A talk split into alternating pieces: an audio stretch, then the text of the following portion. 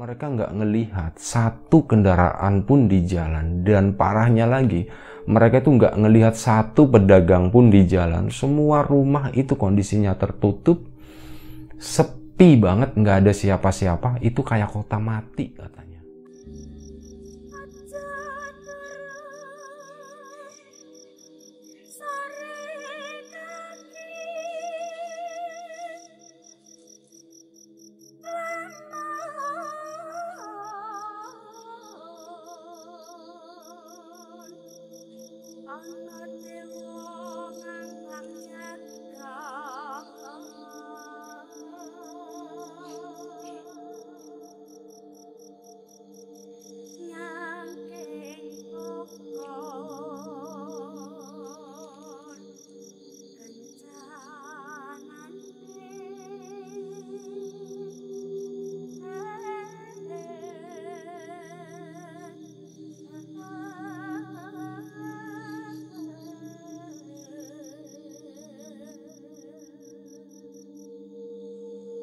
Ini adalah cerita ke-213 di Lapak Horor. Dan cerita kali ini itu datang dari salah satu kawan subscriber namanya Pak Rohim. Beliau itu dari Indramayu. Cerita tentang sebuah pengalaman perjalanan dari Indramayu ke sebuah kota di Jawa Tengah. Tepatnya itu kota Pati. Tapi sebelum kita ke cerita, seperti biasa gue pengen ngucapin banyak-banyak terima kasih buat kawan-kawan subscriber semuanya. Terima kasih buat kawan-kawan yang udah ngasih support, udah ngasih dukungan. Terima kasih juga buat kawan-kawan yang udah ngasih like, udah nge-share ke yang lainnya. Dan gak lupa juga terima kasih banyak buat kawan-kawan yang udah ninggalin komentar. Terima kasih banyak semuanya. Nah, malam itu Pak Rohim dan beberapa temannya itu punya rencana akan melakukan ziarah ke daerah Pati sana. Sekaligus setelah ziarah mereka itu rencananya mau sowan ke gurunya. Guru apa? Nggak dijelasin. Cuman seperti itu. Sekitar jam 7 malam selepas maghrib mereka pun siap-siap. Dan berangkatlah mereka dengan satu mobil Pak Rohim yang bawa ya yang nyetir itu dari Indramayu ke daerah Pati sana yang mungkin kalau nggak salah itu ditempuh sekitar 10 sampai 12 jam. Ya kalau salah ya mohon dimaafkan ya karena nggak disebutin juga. Kurang lebih segitu, perjalanan yang cukup jauh, perjalanan darat dan berangkatlah mereka tepat tengah malam tiba-tiba awal perjalanan tuh nggak ada masalah sama sekali.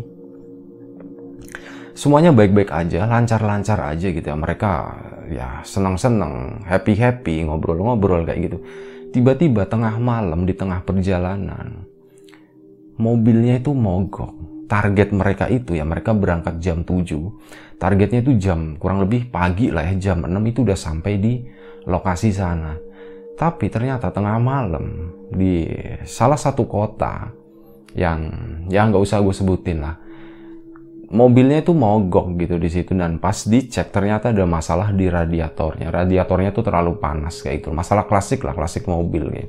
mungkin karena kurang perawatan Nah, mogok akhirnya mereka semuanya tuh turun. Ya mau nggak mau ya mereka nggak bisa ngapa-ngapain juga. Mau dipaksain juga nanti mesinnya malah kebakar, kepanasan gitu kan. Udah mereka malam itu cuma turun. Ya ada yang rokok, ada yang gelar kopi kayak gitu. Sambil nungguin radiatornya itu adem dan waktu itu kurang lebih sekitar setengah jam. Mereka berhenti di tempat itu, terpaksa berhenti di tempat itu ya. Dan tempat itu adalah kayak tempat yang sangat sepi sebenarnya karena tengah malam juga. Dan kebetulan di situ nggak ada rumah sama sekali. Semuanya itu kayak penuh dengan pepohonan kayak kebun kayak gitu tapi itu bukan hutan lah. Karena di sisi kanan dan sisi kirinya itu masih ada rumah cuman jaraknya lumayan jauh. Nah mereka berhenti di situ cuman ya ada beberapa penerangan jalan doang di situ. Dan saat mereka lagi santai itu sambil nungguin sambil mereka ngobrol di samping mobil ya itu tiba-tiba mereka itu ngelihat ada satu sosok kecil yang jalan dari kejauhan. Itu kelihatan ya karena kesorot sama lampu. Itu mereka tuh ngeliatin pertama satu orang Pak Rohim yang ngelihat. Bos tuh kalian ngeliat nggak? Itu di apa namanya di ujung jalan sana tuh lihat tuh itu kayak ada orang jalan ya gitu orang kecil katanya. Kayaknya orang kecil gitu. Nah akhirnya oh iya bener-bener ada yang jalan gitu kata teman-temannya. Udah diperhatiin terus si sosok tadi makin ngedeket ngedeket ngedeket ngedeket dan kurang lebih mungkin sekitar 5 sampai 10 menit akhirnya sosok tadi itu berada di apa ya kayak jarak pandang yang cukup jelas. Dan ternyata sosok itu adalah sosok mohon maaf ya itu kayak semacam orang yang cacat. Yang kakinya itu cacat. Jadi jalannya itu pakai tangan begini. Mungkin kawan-kawan pernah ngelihat ya uh, orang dengan kondisi seperti itu dengan apa ya namanya disabilitas seperti itu eh, dengan kekurangan seperti itu. Ini mohon maaf banget ya uh, cuman buat ngegambarin aja seperti itu kondisinya. Nah sosok tadi berjalan dengan tangannya pelan pelan pelan gitu dan akhirnya mereka pun tahu kalau sosok itu adalah sosok pria mulai kelihatan nih makin deket makin deket. Pakai topi pakai topi rimba kayak gitu. Dan dia bawa tas tas selempang. Sambil jalan gini terus pakai tangan gitu. Ngedeket ngedeket ngedeket sampai akhirnya si sosok tadi itu benar-benar deket sama mereka. Nah sebelum sosok tadi uh, ngedatengin mereka itu mereka udah berpikir yang macem-macem gitu sebenarnya sih gila ini waduh ini di hutan gitu ya. Kita ngelihat seperti itu orang atau bukan gitu. Mereka udah ribut sendiri gitu ya. Takutnya ya itu tadi uh, mereka itu kayak si sosok tadi itu kayak hantu atau apa gitu ya yang mau ngegangguin mereka. Tapi pas ngedeket si bapak tadi si orang yang cacat tadi yang apa ya kalau di daerah gue tuh nyebutnya kayak orang tekor kayak gitu. Ini mohon maaf sekali lagi seperti itu disebutnya dan saat ngedeket si bapak yang tadi yang tekor tadi apa ya nyebutnya ya? Udahlah pokoknya si bapak tadi ya yang jalan pakai tangan itu. Itu langsung ngomong pak nggak usah takut gitu. Saya itu bukan apa-apa saya itu orang katanya. Kayak gitu dan wah, akhirnya yang di situ teman-temannya Pak Rohim akhirnya tenang wah, alhamdulillah gitu bukan siapa-siapa ternyata cuma orang biasa gitu. Nah akhirnya tanya kan loh bapak dari mana pak? Gitu. Tanya salah satu temannya Pak Rohim itu dijawab sama orang tadi orang yang tekor tadi ya. Ini gue buat mempermudah aja ya uh, mereka komunikasi cara nyebutnya seperti itu. Nah uh, saya tuh mau pulang katanya seperti itu. Lah bapak pulangnya mau ke mana katanya? Saya mau ke daerah Pati katanya. Waduh berarti sama dong pak dengan kita. Kita juga menuju ke Pati sana. Nah si yang bapak yang tekor tadi itu nanya lah bapak ke Pati lagi ada urusan apa nih? katanya. Akhirnya ya Pak Rohim ngejelasin oh kita lagi ini Pak kita tuh rencananya mau ziarah ke suatu tempat tempatnya ini disebutin. Sekaligus kita nanti mau sowan ke guru kita katanya. Oh begitu ya? Oh ya udah gitu. Nah akhirnya ditawarin sama Pak Rohim Pak kalau mau ke Pati kan ini kayaknya nggak mungkin nih malam-malam ada bus lewat atau apa mending bapak ikut kami aja. Kebetulan ada ada slot kosong di belakang gitu.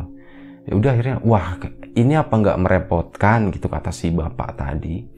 Oh nggak pas tenang aja gitu. Santai aja. Bapak ikut kami aja nggak apa-apa gabung sama kita katanya. Ya udah terima kasih. Tapi mobilnya ini ya lagi mogok ya gitu. Iya nih pak uh, radiatornya bermasalah. Kepanasan kayaknya ya mobil kurang perawatan lah kata si Pak Rohim itu ngejelasin gitu. Mereka tuh ngobrol ngobrol biasa malam itu. Sampai akhirnya mobil pun uh, radiator pun adem coba dihidupin mesinnya cekrek jreng jalan gitu. Mobilnya wah udah jalan lagi alhamdulillah pak. Ayo pak ikut kami gitu.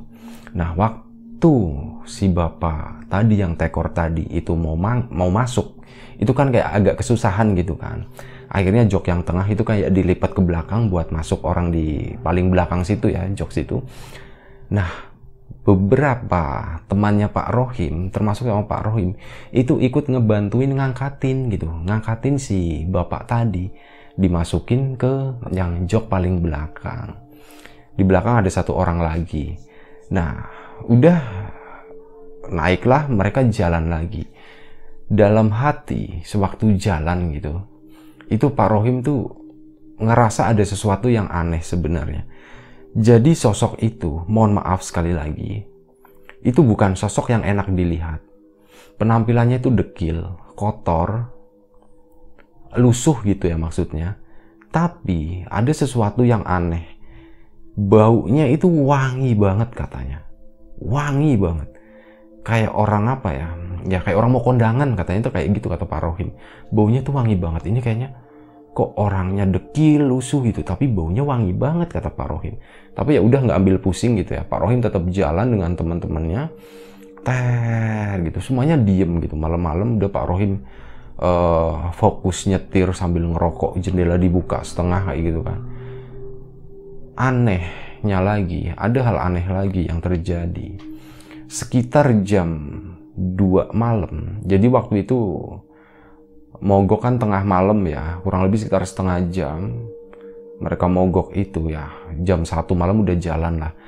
Dan jam 2 malam anehnya mereka itu udah sampai di Pati. Harusnya perjalanan kalau memakan waktu 10 sampai 12 jam mereka berangkat jam 7 malam kan. Eh jam ya jam 7 malam plus mogok gitu. Kurang lebih sekitar satu jam gitu kan. Ya pasti harusnya mereka tuh telat gitu. Jam 6 atau jam 7 pagi mereka baru sampai Pati. Anehnya itu masih jam 2 pagi ya. Jam 2 dini hari. Mereka itu udah sampai di situ. Mereka tuh bingung tapi ada satu hal yang mengganjal, ada yang mengganggu pikirannya Pak Rohim waktu itu. Di sepanjang perjalanan, itu Pak Rohim melihat banyak keanehan. Jalan yang biasa dia lalui itu tuh berbeda, sedikit berbeda jadi sebelum perjalanan malam itu, Pak Rohim itu udah pernah menempuh perjalanan ke Pati itu kurang lebih sekitar seminggu atau 10 hari yang lalu. Itu udah pernah ke situ dan Pak Rohim itu udah biasa. Indramayu Pati, Indramayu Pati, kayak itu udah biasa banget dan cukup familiar dengan jalan-jalan yang ada di sana. Malam itu dia tuh agak asing. Jadi di jalan ya, itu banyak bangunan yang sebelumnya itu nggak ada gitu. Tapi malam itu udah ada. Kayak contoh masjid. Di kanan jalan katanya ada satu masjid yang gede banget. Itu yang belum pernah Pak Rohim lihat seminggu yang lalu. Itu nggak ada. Tapi malam itu ada. Ada beberapa jalan yang harusnya lurus tapi aneh. Ada yang nyimpang ke kiri ada pertigaan ada belokan kayak itu pokoknya bener-bener jalannya itu malam itu tuh bener-bener berbeda banget tapi sampai juga mereka di Pati gitu. Itu yang aneh dan sampainya itu lebih cepet. Itulah keanehan-keanehan yang dialami sama Pak Rohim waktu itu.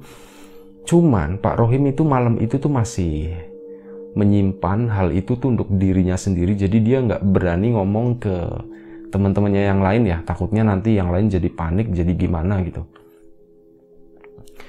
dan sampailah mereka di Pati jam 2 malam itu dan Pak Rohim itu mulai kebingungan. Nah, di situ saat sampai di kota itu, dia benar-benar kok ini kok beda ya? Patinya kok sangat berbeda dengan apa yang dikenal sama Pak Rohim. Banyak bangunan baru, ada jembatan baru, banyak jalan-jalan baru pertigaan persimpangan kayak gitu. Itu bener-bener Pak Rohim itu bingung gitu. Ini tuh lewatnya yang mana ya? Jalurnya biasanya ke sini tapi kenapa ke sana nggak ada jalan? Kayak gitu. Pokoknya banyak keanehan lah di situ.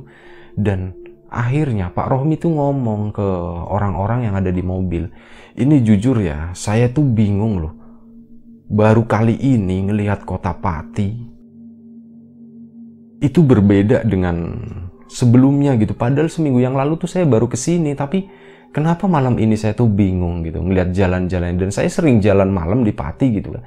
Tapi aneh, jujur saya tuh bingung. Ini takut nyasar nih kata Pak Rohim ya. Jujur sama orang-orang di situ ya, Pak Rohim itu sorry sorry sorry. Pak Rohim itu berusaha terbuka dan nanya juga kan ke yang lain e, kalian di sini ada yang tahu nggak daerah ini jalan-jalan di sini? Lah pak sampean kan yang paling familiar gitu. Kalau kami ke sini cuma sekali dua kali jadi nggak hafal jalan. Ya udah. Akhirnya itu belum benar Pak Rohim sendiri yang nanggung dan akhirnya Pak Rohim nanya ke bapak-bapak yang tekor tadi yang duduk di belakang itu Pak uh, ngapunten bapak nanti mau turunnya di mana ya gitu ya Oh iya pak, uh, saya lurus aja ke sana. Nanti cuman nggak jauh kok, paling sekitar 1-2 kilo. Itu saya akan turun di sana gitu. Bapak tujuannya masih ke sana kan, kayak gitu. Si bapak yang tekor tadi itu seolah-olah tahu lokasi tempat ziarah mereka tuh di mana, itu tahu gitu.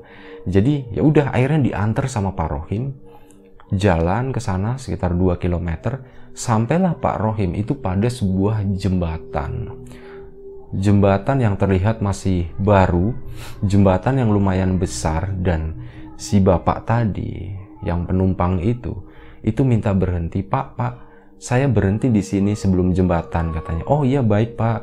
Akhirnya Pak Rohim berhenti di situ dan ya yang lain ngebantuin ya. Uh, mereka turun apa kayak ngebukain jok sambil ngangkatin bapak tadi dibantuin keluar dari mobil.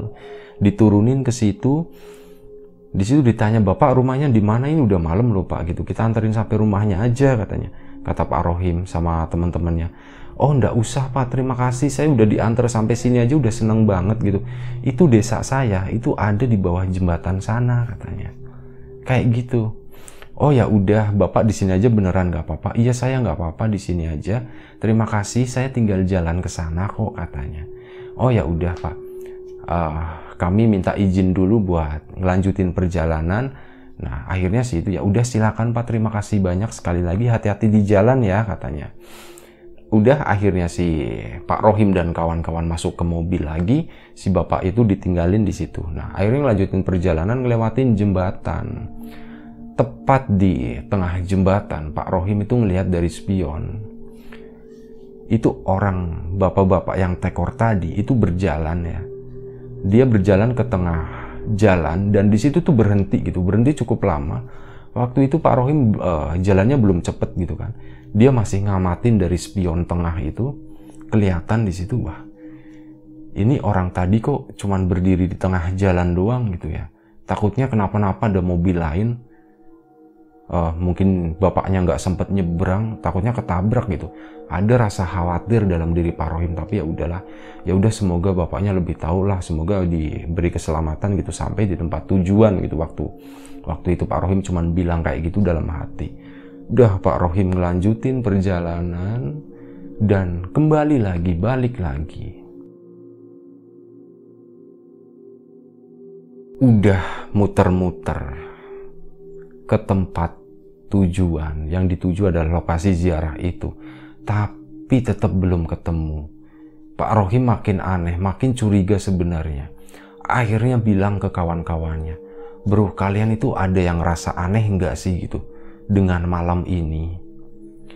Kita mulai dengan bapak yang tadi deh bapak yang tekor itu bapak yang mohon maaf ya yang cacat tadi. Siapa yang ikut ngangkat tadi? Oh ini ini ini gitu kan waktu itu kalian ngerasa aneh nggak? Iya ada yang aneh gitu. Apa coba? Baunya wangi banget katanya. Kata temen-temennya yang ikutin ngangkat. Itu dia gitu. Saya juga nggak nyangka.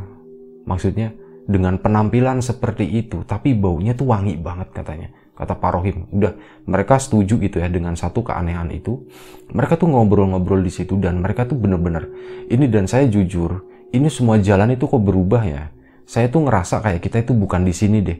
Kita kayak bukan di Pati atau mungkin parahnya lagi kita itu bukan di alam kita katanya. Pak Rohim tuh nyeletuk kayak gitu.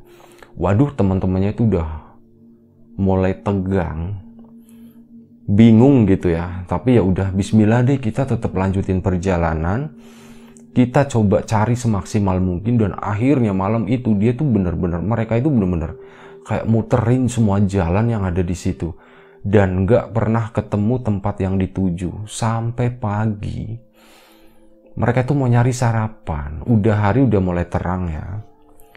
Dan malam itu tuh sepi banget. Pagi itu mereka nyari sarapan. Mau nyari apalah ya gue juga kurang tahu intinya apa. Biasanya kan kalau pagi-pagi itu suka banyak jualan di pinggir jalan ya gerobak-gerobak kayak gitu entah bubur ayam atau apa gitu lah pokoknya. Nah mereka tuh coba nyari itu sana muter-muter. Tapi ada keanehan lagi pagi itu mereka tuh bener-bener nggak ngelihat satu orang pun di jalan mereka nggak ngelihat satu kendaraan pun di jalan dan parahnya lagi mereka itu nggak ngelihat satu pedagang pun di jalan. Semua rumah itu kondisinya tertutup, sepi banget, nggak ada siapa-siapa. Itu kayak kota mati katanya. Dan ya mereka tuh bingung gitu ya. Dan ini beneran deh, kita kayaknya bukan di, di alam kita deh. Kita bukan di rumah kita deh. Kita kayaknya nyasar. Ya entahlah ke mana kata Pak Rohim tuh kayak gitu teman-temannya pun setuju gitu ya iya memang bener ini kok aneh banget kita ya yaudah kita berdoa aja semoga kita tetap diberi keselamatan kita bisa pulang kita bisa menemukan jalan gitu. Setidaknya kita bisa menemukan tempat yang kita tuju katanya seperti itu. Akhirnya mereka pun balik lagi. Oke saya coba ini ya. Kita runut aja jalan yang saya ingat kata Pak Rohim kayak gitu. Kita pulang aja deh kata Pak Rohim kayak gitu. Udah akhirnya diingat-ingat jalannya dan mereka muter-muter lagi. Sampailah mereka di jembatan di mana malam itu mereka nurunin si bapak-bapak yang tekor tadi yang itu tempat nurunin di situ. Nah ini jembatan ini nih semalam kita nurunin bapak itu di sini. Dan katanya kampungnya di sebelah sana. Seperti itu. Tapi waktu itu baru memasuki jembatan ya. Setelah mereka sampai di tengah jembatan, jembatannya lumayan panjang. Setelah sampai mereka di tengah jembatan, itu tiba-tiba Pak Rohim itu ngelihat di ujung jalan, di ujung jembatan sana, itu tuh ada bapak-bapak yang semalam itu lagi berdiri di pinggir jalan. Dan itu adalah satu-satunya sosok atau makhluk hidup gitu ya yang mereka lihat pertama kali dari malam itu sampai pagi itu yaitu sosok itu tadi. Wah itu bapak-bapak yang semalam katanya.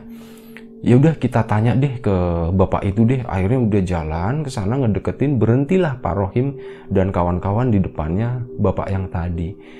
Disambut sama bapak itu oh iya selamat pagi pak gitu gimana ketemu tempat itunya tempat ziarahnya? Kata si bapak yang itu nanya. Waduh maaf pak. Saya itu bingung gitu. Kami nggak bisa kami nggak berhasil nemuin tempat ziarah itu. Padahal kami itu udah beberapa kali ke sana. Dan saya termasuk orang yang sering ke sana. Baru seminggu yang lalu saya itu ke sini ke Pati, tapi ada yang aneh pak. Semua jalan itu berubah. Makanya saya bingung. Dan ini rencananya kita semua mau pulang aja gitu, mau pulang ke Indramayu sana. Oh begitu ya pak. Ya udah bapak banyak berdoa aja kata si bapak tadi. Bapak banyak berdoa dan hati-hati di jalan ya. Saya doakan semoga bisa ketemu tempat itu, tempat yang Bapak cari. Ya udah, akhirnya mereka pamitan. Apa sih Pak Rohim dan kawan-kawan pun melanjutkan perjalanan. Nah, perjalanan yang harusnya ditempuh sangat jauh, butuh waktu lama, itu cuma 2-3 jam. Tiba-tiba Pak Rohim dan kawan-kawan itu udah sampai di Indramayu itu tuh mereka selama perjalanan itu kayak ngelamun gitu ya mereka ngobrol keenakan sampai nggak boleh dibilang kayak nggak terlalu memperhatikan jalan dan tahu-tahu mereka itu udah sampai di Indramayu jam 12 siang mereka itu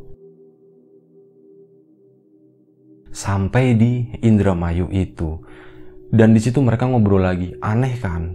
Harusnya kita belum sampai gitu tapi kenapa kita udah sampai kampung kita? Dan anehnya lagi jalanan itu sepi. Indramayu itu jadi kota yang sangat sepi, nggak ada siapa pun di sana, nggak ada orang-orang gitu. Udah akhirnya udah beneran deh, mereka tuh makin yakin ya, kita tuh lagi kesasar. Tapi kita coba sekali lagi. Saya antar kamu e, nunjuk ke salah satu temannya Pak Rohim. Saya antar kamu ke rumah karena paling deket ya. Coba dicek di rumah itu ada orang nggak gitu. Kata Pak Rohim kayak gitu. Akhirnya dianterin ke rumahnya itu, ke rumahnya salah satu temennya temennya turun dicek assalamualaikum gitu nggak ada nggak ada yang ngejawab akhirnya buka pintu oh pintunya nggak dikunci ternyata bapak itu masuk ke dalam dicari-cari di dalam rumah itu itu nggak ada siapa pun. Balik lagi lari gitu kan. Bener him. Nggak ada siapa pun di rumah ini. Dan ya desa ini juga sepi banget gitu. Iya kan? Beneran kita itu kesasar di sini. Kita bukan di dunia kita. Kata Pak Rohim tuh kayak gitu. Akhirnya sambil ya udah kita jalan lagi deh. Kita jalan ya sambil berdoa ya. Kita minta supaya kita bisa dikembalikan ke alam kita yang sebenarnya. Mereka jalan pelan pelan pelan sambil Pak Rohim itu mikir apa ya, gimana solusinya ya, gimana caranya supaya bisa uh, kembali lagi ke alam dunia ini gitu. Dan waktu itu kepintas suatu ide dan itu disampaikan ke teman-temannya. Bro, ini coba deh minta tolong saya berhenti dulu di sini, minta tolong ke kalian semua. Kita cari di semua mobil, di dalam mobil, kita cari bareng-bareng. Barangkali ada sesuatu yang tertinggal, ada sesuatu yang bukan milik kita, katanya seperti itu. Akhirnya teman-temannya pun langsung otomatis berhenti pada turun dicari lah bagasi semuanya di jok di bawah jok dan salah satu temennya Pak Rohim saat lagi nyari di jok belakang itu menemukan sebuah benda. Benda yang bukan milik mereka. Itu adalah benda wujudnya itu keris. Keris dengan panjang nggak terlalu panjang. Panjangnya itu sekitar 15 cm kayak keris kecil kayak gitu kerisnya itu warnanya hitam hitam. Dan keris itu keris look gitu ya yang gini. Nah ketemu him ini ada ini ada barang ini ada benda ini. Ini punya siapa? Punya salah satu dari kalian? Bukan katanya. Bukan. Nggak ada yang mengaku waktu itu. Bukan bukan punya kita. Nah ini kemungkinan punya Pak Rohim yang bilang ya Nah, ini kemungkinan punya bapak yang semalam tadi yang kita anterin itu. Kemungkinan punya dia. Dan kemungkinan inilah yang bikin kita nggak bisa pulang katanya. Yang bikin kita nggak bisa menemukan tempat ziarah itu. Ayo kita balikin lagi ke sana, kita berangkat lagi hari ini juga kata Pak Rohim. Ya udah, akhirnya teman-temannya sebenarnya udah capek banget ya, tapi karena nggak ada pilihan, akhirnya teman-temannya pun nurut. Ya udah deh Him ayo kita berangkat lagi ke sana. Saya ikut aja deh katanya. Kami ikut aja. Oke Bismillah ya kita semuanya berdoa ya. Semoga bisa menemukan tempat yang semalam jembatan itu. Berangkat lagi mereka siang itu. Dan sama perjalanannya itu nggak terlalu lama. Dan mereka tuh nggak nyadar juga di spot di mana mereka apa namanya mereka mogok semalam. Itu Pak Rohim tuh sempat nyebut ya nah semalam kita itu mogok di sini nih gitu. Oh iya bener-bener di sini. Dia ingat uh, ada salah satu temennya itu ingat ada satu pohon kayak gitu. Oh iya bener nih semalam ada pohon ini katanya. Udah akhirnya dilanjutin terus beberapa jam kemudian mereka tuh sampai di kota Pati. Setelah muter-muter ngelewatin jalan semalam yang diingat sama Pak Rohim ya akhirnya sampailah mereka di Akhirnya sampailah mereka di jembatan yang semalam di mana mereka menurunkan si bapak itu. Nah, kita berhenti di sini. Kita sampai di sini semalam bapak yang tadi turun di sini. Masih ingat kan kalian semuanya? Iya benar jembatan ini. Akhirnya mereka turun. Nah, Pak Rohim katanya bapak tadi semalam itu saya ingat nunjuk desanya tuh di sana katanya, di bawah jembatan itu. Gitu. Ayo kita coba ke sana akhirnya mereka udah parkir mobil di situ mereka semuanya turun turun ke bawah ke jembatan itu beberapa puluh meter dari situ. Itu ada sebuah kampung kampung kecil yang rumahnya mungkin hanya berapa belas doang. Kecil nggak terlalu besar. Mereka masuk ke situ Nah, waktu masuk itu kondisinya masih sepi banget ya. Jadi perjalanan dari Indramayu siang itu sampai mereka sampai di Pati lagi itu benar-benar sepi banget.